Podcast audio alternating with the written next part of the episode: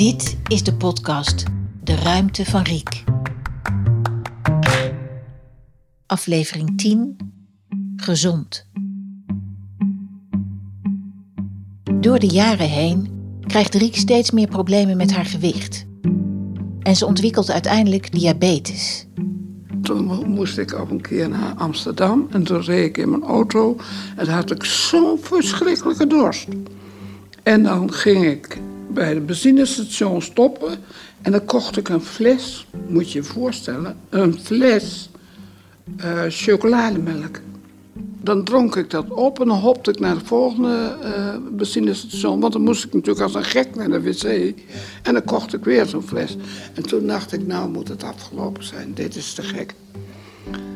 Nou ja, en toen heb ik een hele reeks van kwakzalvers, echte, onechte. Uh, en dat was gejojo en dat ging niet goed.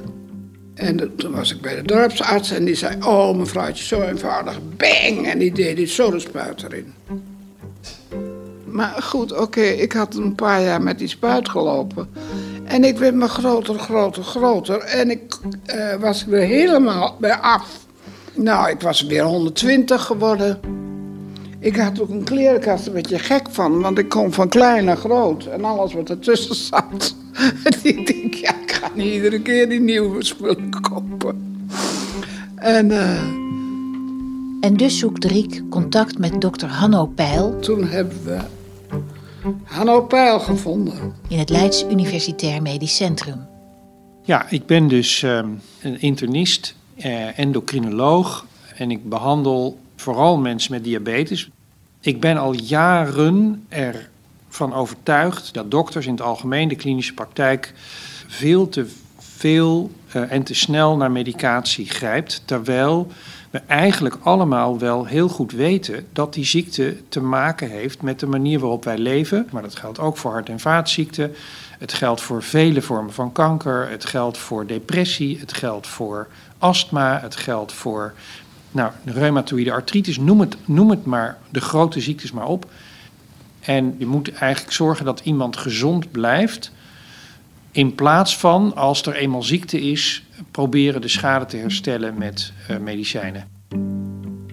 Riek en Hanno kijken samen terug op de afgelopen vijf jaar. Wij gingen bellen en ik werd keurig ontvangen. En ik had een intakegesprek met een diëtiste. Toen hebben we een beetje geprobeerd en gedaan.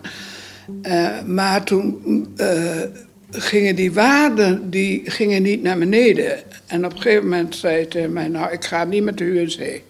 In eerste instantie ging het niet vanzelf. Ik denk wel, hemel, dat moet ik niet hebben. Ja, dat klinkt misschien heel raar, maar dat moet gewoon. Ik moet selectief zijn, want anders ik, eh, dan stroom ik gewoon helemaal over. En uh, dus ik zei, ja, wacht nou even. Ik weet niet wat ik allemaal gezegd heb. Maar in ieder geval, uh, een van de bijverschijnselen van die ziekte is dat je helemaal vol ontstekingen komt. En kennelijk vond ik het verhaal van de, van de vervelende ontstekingen, die inderdaad bij diabetes horen en waar je wat aan kan doen als je die diabetes beter op, uh, op orde krijgt, dacht ik van nou, er moet hier toch echt iets uh, veranderen. Dus uh, daar wil ik wel mee bij proberen te helpen.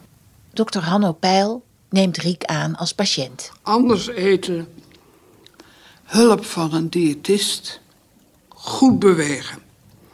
Toen heb ik uh, uh, een personal trainer genomen. Ben ik twee keer in de week gaan sporten. Met personal trainer Marianne Ploegmakers start zijn kleine sportcarrière... die tot op de dag van vandaag voortduurt.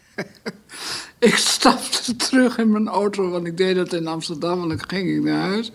En dan belde ik halverwege naar huis naar Katrien en zei ik... Haal me uit de auto, haal me uit de auto. En dan snikte ik het uit. Zo heftig was dat. Ik bewoog namelijk nooit. Ja, ik vind het dus heel knap als mensen uh, zoals Riek dat voor elkaar boksen. Er zijn meer mensen gelukkig die het ook, ook doen en uh, kunnen. Maar je moet daar echt enorm veel wilskracht voor hebben. Nou, oké, okay, dat heb ik volgehouden. ging allemaal goed. En je moet anders eten. En wij konden dat zelf regelen. En ik ben de kok in huis en ik doe de boodschappen. Dus ik kon dat heel goed regelen. Maar sociaal was het heftig. En ik had veel uh, dineetjes en alles wat erop en erbij komt. Want dat komt natuurlijk in die wereld van die ambtelijkheden en vastgoed en alles. Al die mensen die zetten die borden voor je neer en die, zetten, die schenken die glazen vol. En daar zat ik weer. Ik denk, mijn hemel, hoe moet ik dat doen? Dus toen heb ik het wel geleerd. Dan die, die glazen allemaal vol schenken. Zet me vol. Dank u, dank u. en dan bleef ik eraf. Terwijl eerst deed ik altijd, uh, nee, nee, nee, dank u, ik doe niet mee. En dat zet iedereen ongezellig. Zeg. De hele structuur van de maatschappij, de manier waarop we werken, de manier waarop we eh, sociaal dingen doen, um, die, die werkt als het ware tegen. Verleidingen die voortdurend overal zijn, uh, moet je overwinnen. Al die voedingsmiddelen, daar hebben we helemaal geen behoefte aan. Maar dat doet de industrie omdat het verkoopt. Maar als ze dat nou eens mee stoppen, wordt niemand ongelukkig. Maar met Riek gaat het steeds beter. En, en het is dan fantastisch om te zien dat uh, in de loop van de tijd het steeds beter werd. We minder medicijnen uh, nodig hadden om die bloedglucose uh, op orde te houden. Dat is één ding. Uh, maar het andere ding is dat Riek ook terugkwam met verhalen hoe goed ze zich voelde. En dat is ook zoiets wat je bij mensen die het voor elkaar boksen. En nogmaals, dat is hartstikke moeilijk in de context van, van onze samenleving. Maar als je het voor elkaar bokst, dan word je bijna een ander mens. Het heeft heel erg met wilskracht te maken.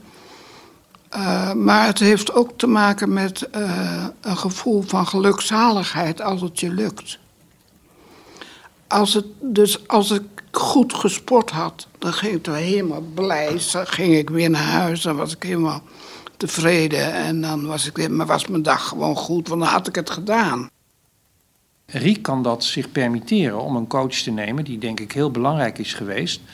Maar de meeste mensen kunnen zich dat niet permitteren. Dus er moet een systeem komen waarbij ook mensen die wat minder bedeeld zijn, dat die kunnen gecoacht worden in het veranderen van hun uh, levensstijl. En kijk, zo'n ziekte heeft zulke, um, als je dat niet op orde krijgt, zulke vervelende complicaties.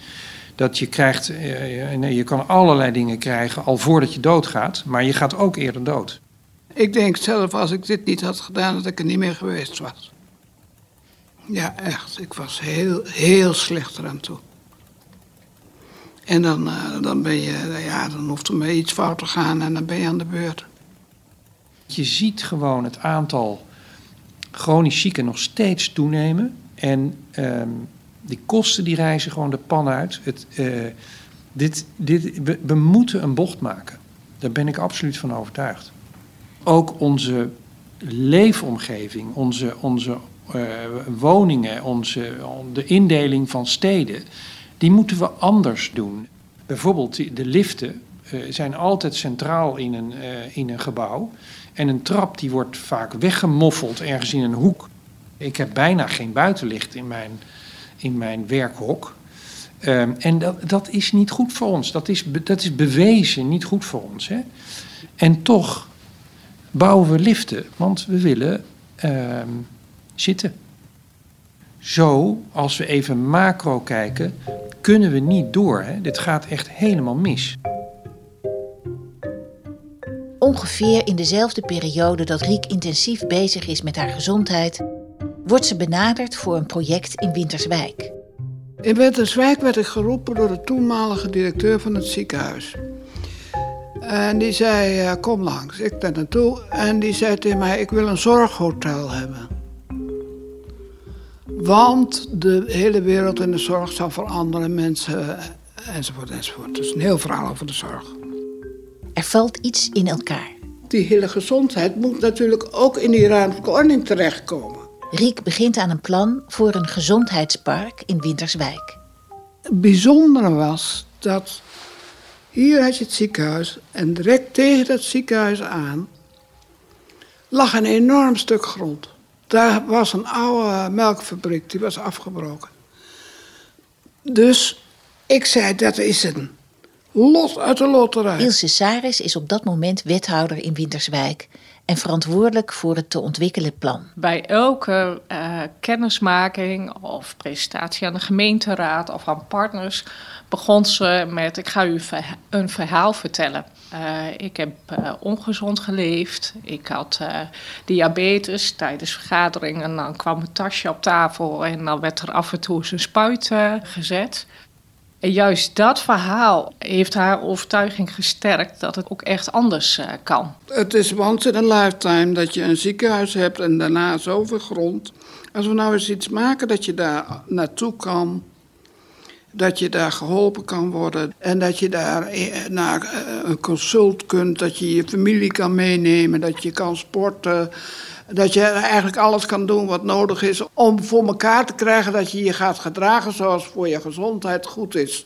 Een soort opleidingsinstituut, maar dan low-key in zo'n mooie omgeving zoals in Winterswijk. Stel nou voor dat ik het zou zijn en ik mocht daar één keer per kwartaal een, weekje bij komen en ik mag mijn familie meenemen en ik vraag aan mijn tweeling, komen jullie ook? En zo ga ik goed opgeladen, huppakee, weer terug. Dat was het idee. Je hebt een icoon nodig, uh, gaf ze aan. Een hotel van wel 30 meter uh, hoog.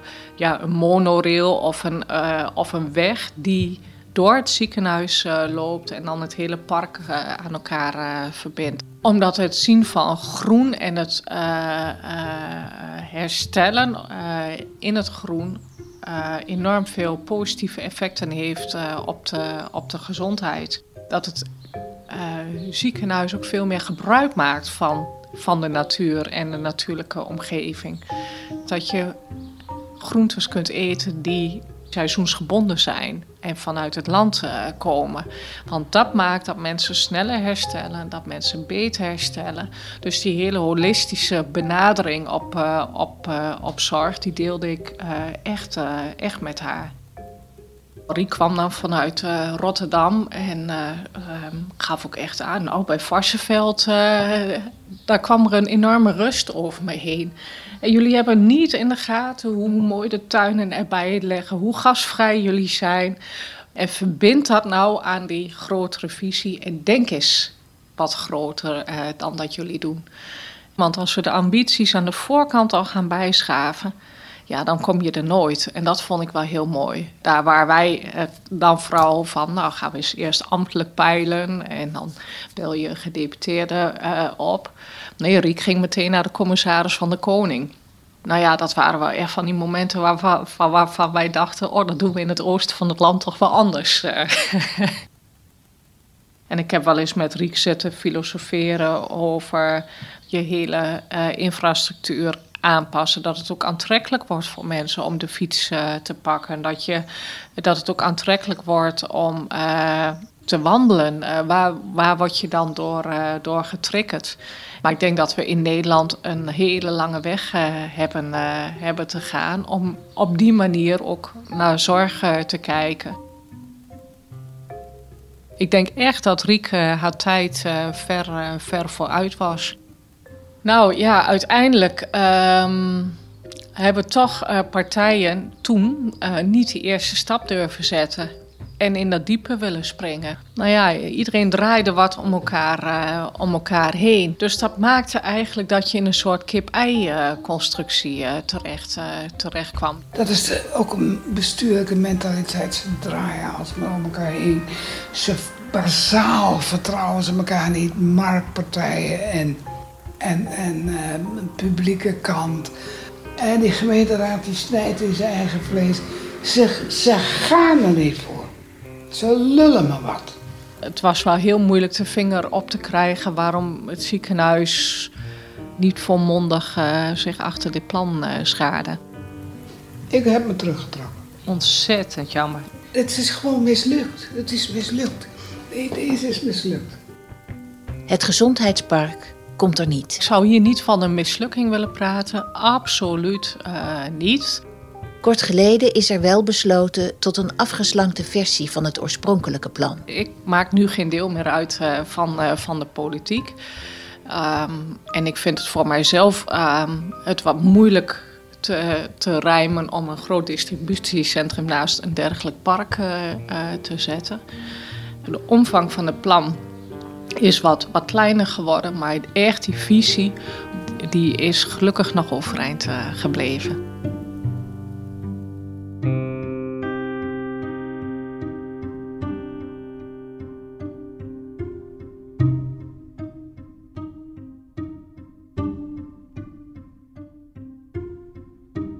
De ruimte van Riek. Deze podcast hoort bij het gelijknamige boek over stedenbouwkundige Riek Bakker, geschreven door Margreet Vochtelo en Riek Bakker, maar is ook zelfstandig te beluisteren.